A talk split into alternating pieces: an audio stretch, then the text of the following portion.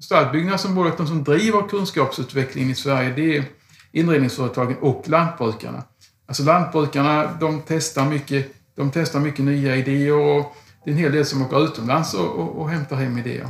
Däremot så kommer det inte alltså så mycket nya idéer från, från forskningen och alltså rådgivarna, de har fullt sjå att liksom hänga med och lära sig om de här nya lösningarna som lantbrukarna och inredningsföretagen hämtar hem till Sverige.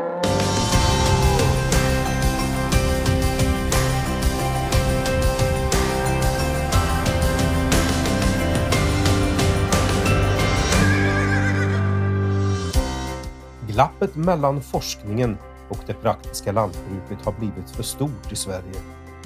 Forskarna skriver för andra forskare medan det är företag och enskilda lantbrukare som får leda utvecklingen. Reporter Per Emgardsson har träffat Sonne Ekman på Jordbruksverket, en av författarna till en rapport som vill se ett statligt kunskapscentrum inrättas.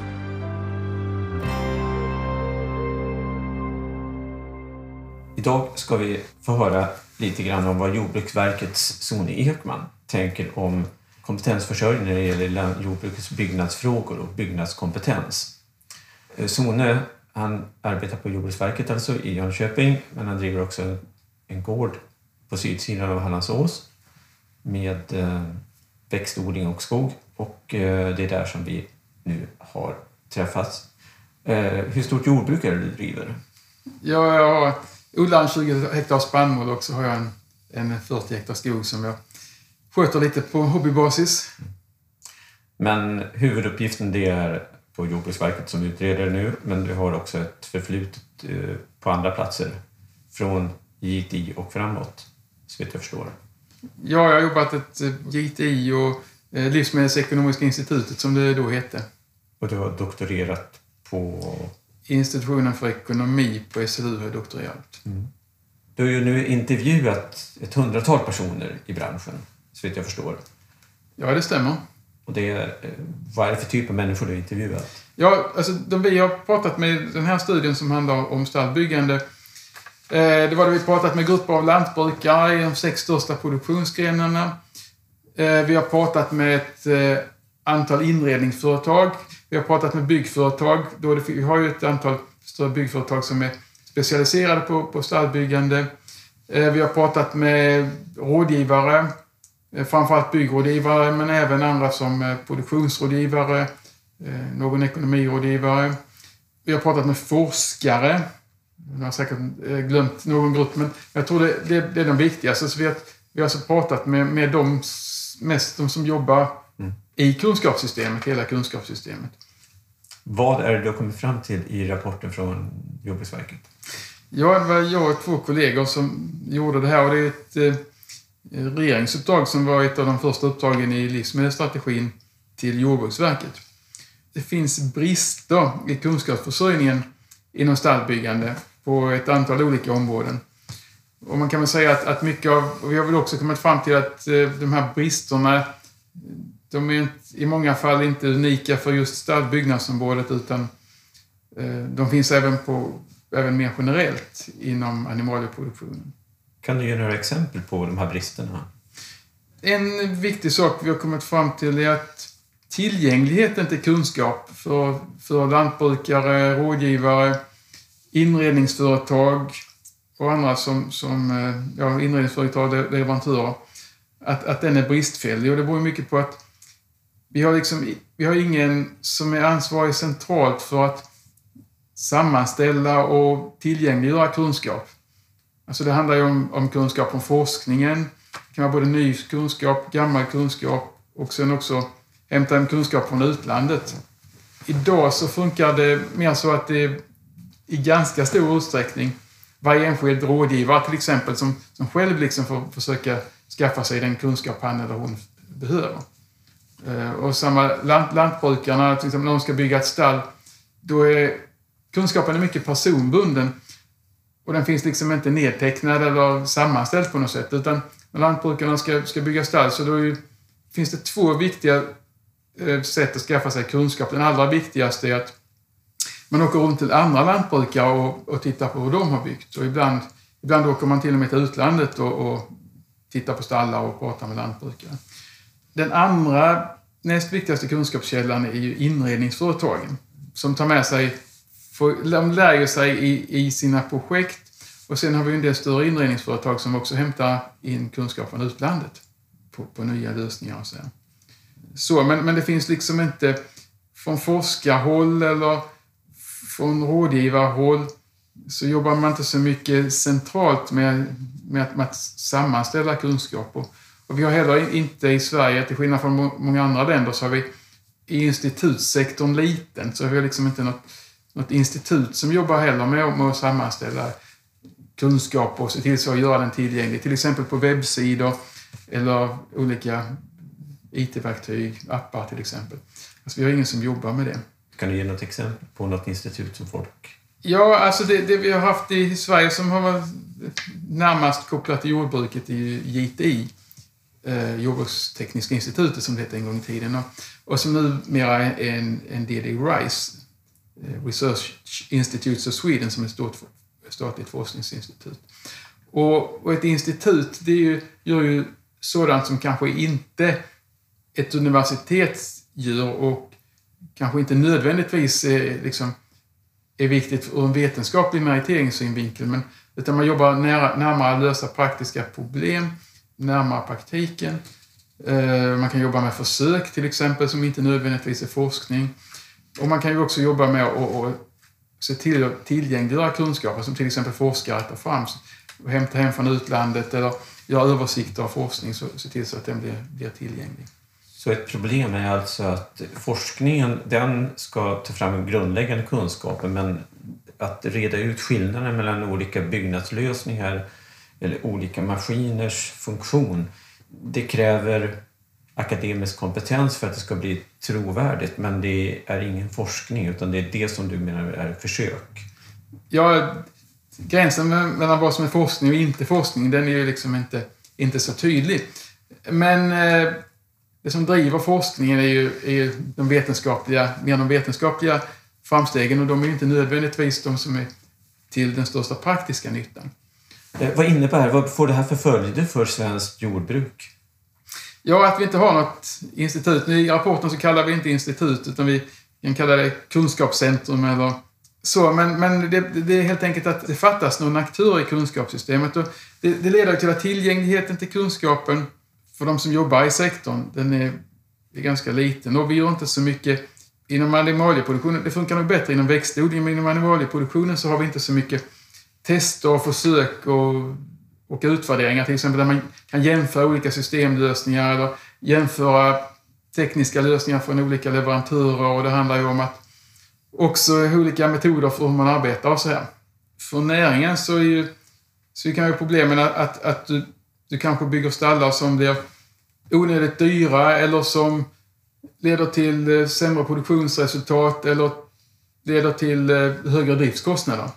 Eller att funktionen i stallarna inte blir så bra som den kunde blivit. Stallbyggnadsområdet, de som driver kunskapsutvecklingen i Sverige, det är inredningsföretagen och lantbrukarna. Alltså lantbrukarna, de testar mycket, de testar mycket nya idéer och det är en hel del som åker utomlands och, och, och hämtar hem idéer. Däremot så kommer det inte alltså så mycket nya idéer från, från forskningen och alltså rådgivarna, de har fullt sjå att liksom hänga med och lära sig om de här nya lösningarna som, lantbrukarna och inredningsföretagen hämtar hem till Sverige. Alltså det, inredningsföretagen har behov av kunskap, lantbrukarna har behov av kunskap för att kunna välja rätt lösningar, rätt teknik. Och sen rådgivarna, alltså de eh, har en stor utmaning att hänga med i den, den utvecklingen. Alltså de har kunskap om de etablerade, de gamla kända tekniska lösningarna. Där finns det god kunskap. Men, men eh, rådgivarna, rådgivarna behöver fortbildning också för att hänga med. Och det är ju också en, en, sak vi har, vi har kommit fram till, alltså att det, det behövs fortbildning av bland annat rådgivare och lantbrukare till exempel kan behöva eh, fortbildning för stallbyggaren till exempel inom eh, juridik och upphandling och så här. Rådgivningsföretagen, ja dels, vi har ganska många så, så att det vore ineffektivt om varje rådgivningsföretag skulle ta hand om det. Men sen är det också så att idag så satsar rådgivningsföretagen ganska, ja, förhållandevis lite på, på att fortbilda sin, sin personal. Åtminstone här när vi tittar på stallbyggnadsområdet. Och jag gissar att en viktig orsak till det är att rådgivarna de kan ju sluta och gå över till, till något annat företag. Och på stallbyggnadsområdet så, så är det ganska vanligt att, att de erfarna byggrådgivarna de startar eget och så. så det gör ju också att incitamenten för rådgivningsföretagen att fortbilda sina, sin personal. Så det är dels ett problem att fördela kunskap och erfarenheter av olika byggnadslösningar över landet, om jag förstår saken rätt. För rådgivare är ju oftast lokalt verksamma. Och dels är det vissa områden som inte det finns någon kunskapsförsörjning på. Juridik, det är då specifikt byggnadsjuridik som det saknas på. Sen kan man säga att, att det som kännetecknar kunskapen inom stadbyggnadsområdet är att kunskapen är personbunden. Den finns inte nedtecknad eller så, eller tillgänglig att googla på nätet, utan den är bunden till personer. Och samtidigt har vi så att kunskapsöverföringen mellan personerna, den fungerar dåligt. Eh, mellan personer och mellan organisationer, den, den fungerar dåligt. Så att här har vi behov av att, att stärka den. Så vad händer då om en, eh, rådgivare, en erfaren rådgivare slutar till exempel, går i pension och sånt Vad sker då? Finns det någon sätt att ta vara på vederbörandes kompetens? Det fattas alltså? Ja, alltså det varierar lite grann. Alltså, ser vi ser de större rådgivningsföretagen som, som Hushållningssällskapet och Växa och så, så där kan det ju fungera. Och så även samtidigt de större inredningsföretagen. Men sen har vi ju produktionsgrenar som, som kyckling och ägg. Där, där har man en utmaning att kunna ha ens en person i Sverige som kan förstå sig på både produktionen och stallbyggande. Och där har man ju sett ett, ett problem. Om den personen då slutar så försvinner kunskapen och, och, och, då har man ju liksom inte... Då finns det bara en person och då ska man anställa en ny men kunskapen förs inte vidare. Så att det är i, syn, i synnerhet i, i, i de små produktionsgrenarna är det ett problem. Men, men även i, eh, i de större. Och sen, det hänger ju också ihop det här med att, att kunskap från forskning och från utlandet och så här, det finns ingen centralt som, som sammanställer den. För det, det påpekar ju rådgivarna att de har inte tid själva. De har inte tid och resurser själva att sitta och gå igenom forskning. Finns det något bra exempel på något sånt här institutsliknande system för den här kunskapsöverföringen både över landet och genom tiden så att säga? Finns det något exempel i något annat land? Någonting som ganska många har lyft upp, eh, många har lyft upp och de vi har pratat med är danska Seges. Det, det, är ett slags institut som, som drivs av Lantbruk och Födevaror som är den närmaste motsvarigheten till eh, danska LRF. Alltså man kan säga där, där finns en hel del människor som har bakgrund inom forskningen. Men inom CG så jobbar man mer, eh, man jobbar nära, nära branscherna, alltså nära produktionen, har kontakt med lantbrukare, med i det här fallet inredningsföretag och så för att fånga upp vilka behov som finns. Eh, man drar igång projekt och man gör tester. Alltså man gör tester och försök bland annat ute i, i stallar som byggs. Exempelvis i, kan det vara en, en, eh, en lantbrukare som ska bygga ett, ett svinstall. Så, så då i en, en ända av stallet så kan man då, då testa att bygga lite olika boxtyper och olika lösningar på, på boxarna. Och så gör man utvärdering av det istället för att bygga försöksstall. Och man jobbar också man jobbar med att initiera forskningsprojekt i och med att man har kontakter med forskningen. Man hämtar hem kunskaper från andra länder också. Och man tar ta fram vägledningar för stallbyggande på, på dansk nivå som man gör även i samarbete med universiteten. Som eh, i, i Tyskland till exempel. Eh, de har en eh, del, del, delstat i byggrådgivning och där finns även vad man på svenska heter bygglärcenter. Till exempel på någon lantbruksskola eller något liknande. Så kan man ha en hall där inredningsföretagen kan komma och ställa upp sin utrustning så att lantbrukare och andra kan komma och titta och, och jämföra och man håller kurser och så här. Att jämfört med, med många andra europeiska länder så har vi en liten institutssektor inom jordbruket i Sverige. Man kan säga att alltså, bakgrunden till att det ser ut som det gör i Sverige, det, en bakgrund är att i, i slutet av 1980-talet, i, i samband med det som kallas omställningen, då blev det nya direktiv till SLU. Alltså SLU hade ju tidigare en del sån verksamhet Bland annat då, då blir det nya direktiv till SLU att, att nu skulle näringen ta ansvaret för, för den tillämpade forskningen. Men det har, alltså det, det har inte det har inte hänt samma sak i Sverige som, som i Danmark kan man säga, utan det, det, har blivit något av ett tomrum.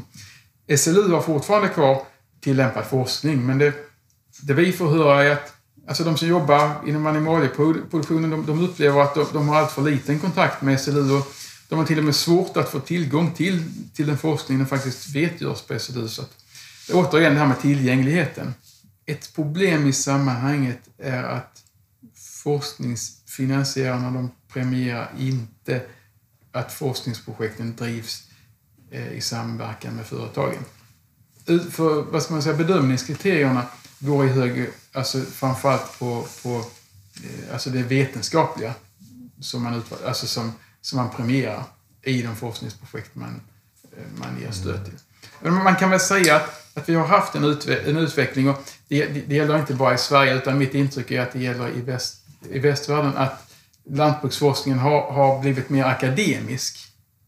Det kan man säga. Men jag tror att i Sverige så har det gått längre än i andra länder kanske. Så att, och det, det är väl det, det som leder fram till, till det, det, behov vi ser i den här rapporten. att Nu har vi kommit till ett läge att, att nu, nu har glappet mellan forskningen och, och lantbruket eh, så stort. Ja, plus att vi då saknar en, eh, någon institutsliknande verksamhet. Men, men alltså glappet mellan forskningen och, och praktiken har blivit så stort i Sverige så att nu, nu börjar det bli dags att och liksom dels knyta forskningen närmare eh, de praktiska behoven och problemen och, och dels få in en, en ny aktör som kan, kan jobba i gränslandet mellan forskningen och praktiken. Till exempel eh, SLU och forskningsfinansiering, alltså den statliga forskningsfinansieringen så var ju då sedan slutet av 80-talet så har den gått mer till det som är samhällsintressen som miljö, djurskydd, djurhälsa och så här. Och det, det, menar det, det är ju motiverat men det har det kanske skett till priset av att, att vi har tappat allt för mycket av det här konkurrenskraftsinriktade. Och på SLU ser, ser man liksom, har man kanske inte sett sin roll att stärka konkurrenskraften i lantbruket. Nu finns det ett behov av att skifta över balansen igen och, och satsa mer statliga resurser på det som har med, med att stärka konkurrenskraften. Ja, vi, vi kan ju, alltså, de här bristerna vi ser, det är, det är vad vi ekonomer brukar kalla, kalla marknadsmisslyckanden. Alltså, när marknaden inte lyckas åstadkomma det som för samhällets helhet är som bäst. Alltså det satsas för lite, lite resurser idag på att sammanställa och tillgängliggöra kunskap. För, för som det är idag så blir det liksom varje företag, varje rådgivare och så som, som satsar så mycket resurser som han eller hon själv tycker är rimligt. Dilemmat är det att den här kunskapen som var och en tar fram, om den, den gjordes tillgänglig så skulle alla kunna utnyttja den. Så det gör ju att om vi hade no, någon, någon ja, staten som, som liksom hade ansvaret här så kunde man ju ta hänsyn till nyttan av hos alla, hos alla rådgivningsföretag, till exempel hos alla inredningsföretag, hos alla lantbrukare. Vilket skulle göra att, att man, man satsade mer på, på att se till så att kunskapen finns tillgänglig. Den bild du målar upp, jag kan inte låta bli att tänka tillbaka på den struktur som fanns på 80-talet, fortfarande kvar, när SLU skötte forskningen vi, och vi i samråd med rådgivning till viss del via något som heter konsulentavdelningen som var till på SLU för att föra ut forskningsresultaten och sen till rådgivare. Och sen satt, fanns det också en enhet på det som kanske idag skulle kunna kallas för Jordbruksverket. Det kallades för Lantbruksstyrelsen då på tiden. Mm. Och de hade ju också speciella produktionsenheter så att säga som styrde upp eh, rådgivningen till lantbruksnämndernas rådgivare som nästan var dominerade då på tiden, rådgivningssektorn. Den var statlig. Och, och, och, då fanns det ju enheter som sysslade med bygg och med eh, fältteknik och med växtodling och husdjur på Lantbruksstyrelsen och uppenbarligen skötte till viss del de här funktionerna. Förutom de institut som fortfarande fanns kvar då, specialiserade instituten. Vad kommer det sig att inte näringen har gett pengar till... De har ju också gett pengar till forskning, men varför...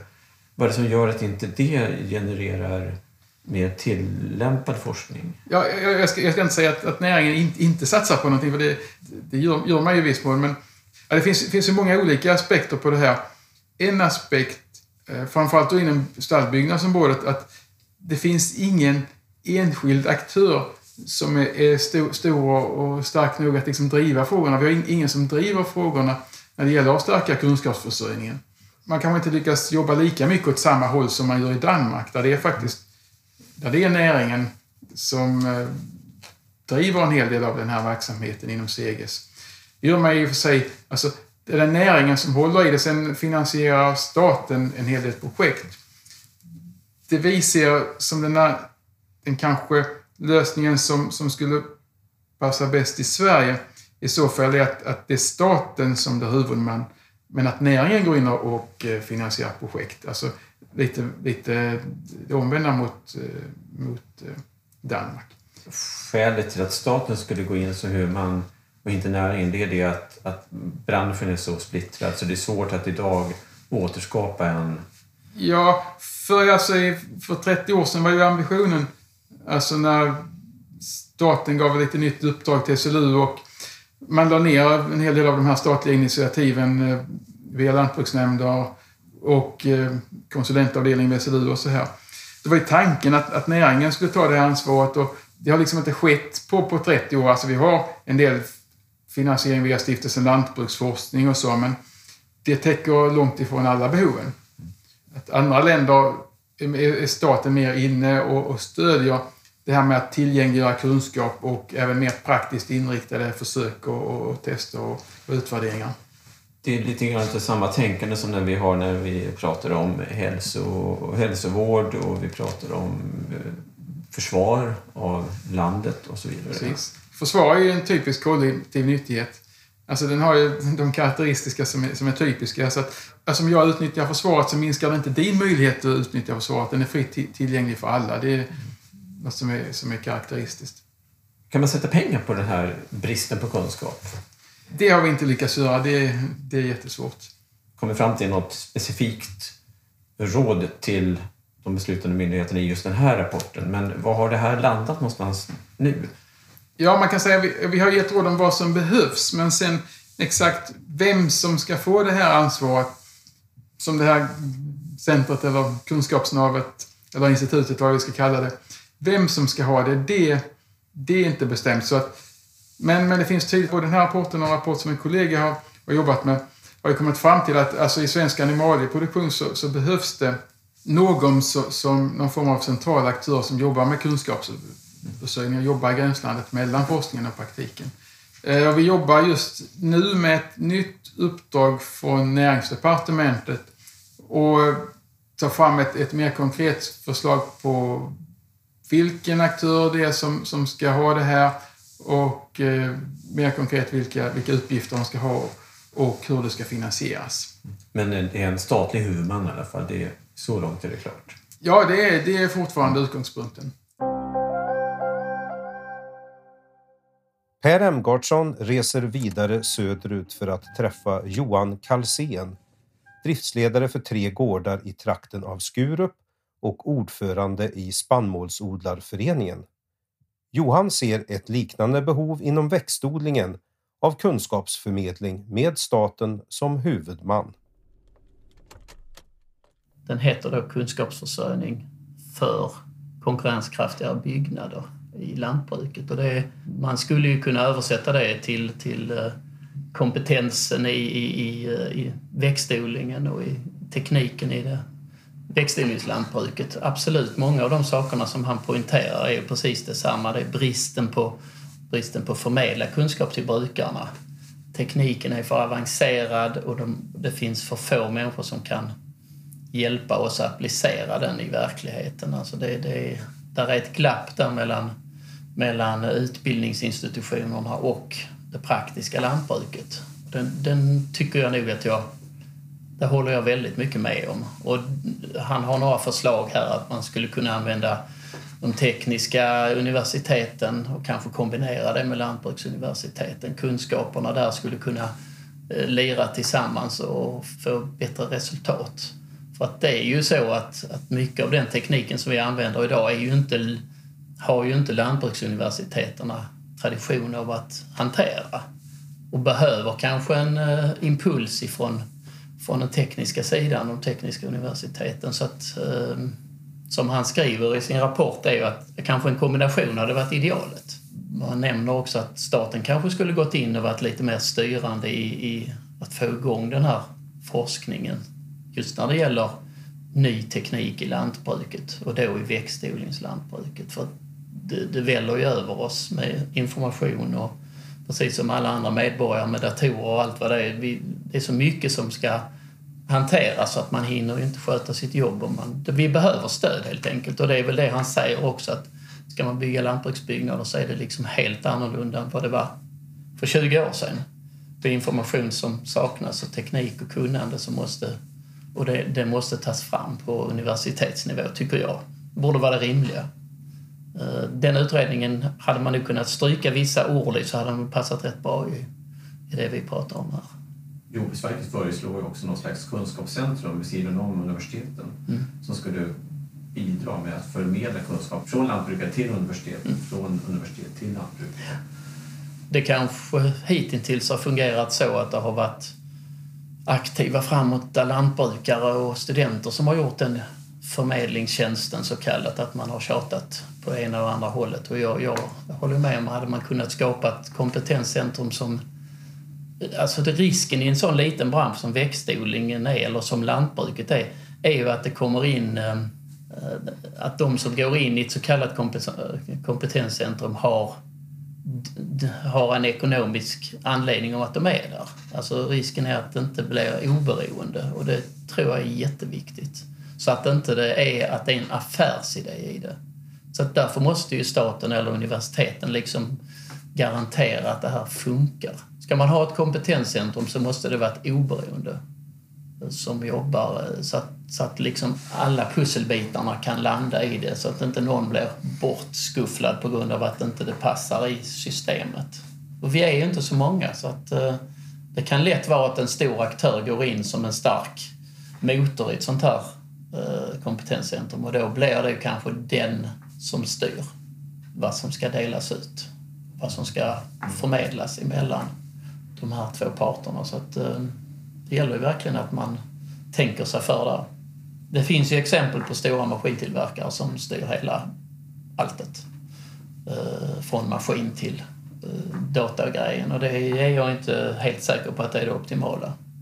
Då kommer den här big data-diskussionen in också, att man tar hand om hela alltet.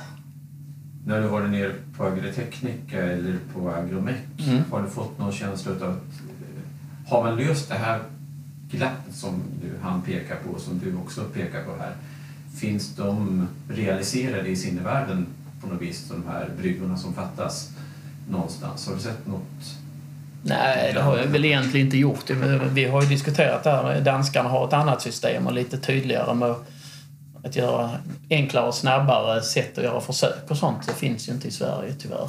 Men, eh, Vad var det fördelen med den typen av enkla snabba försök? Ja men då kommer man ju den där idén, eh, när lampan, Joakim-lampan lyser huvudet på en i toppen så kan man liksom snabbt få en, kunna prata med någon och kanske få hjälp och, och gå vidare eller förklara så att det här är provat eller det har vi testat, det här finns redan. Eh, jag tror att eh, det hade gjort att det hade gått lite snabbare att komma igång med forskning. Idag är det, det är långsamt. Det har tagit en jäkla tid.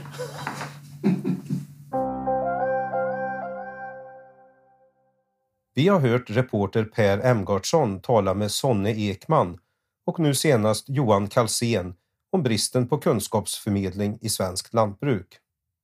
Lantbrukspodden görs av Land Lantbruk, en del av LRF Media. Jag som producerat heter Göran Berglund.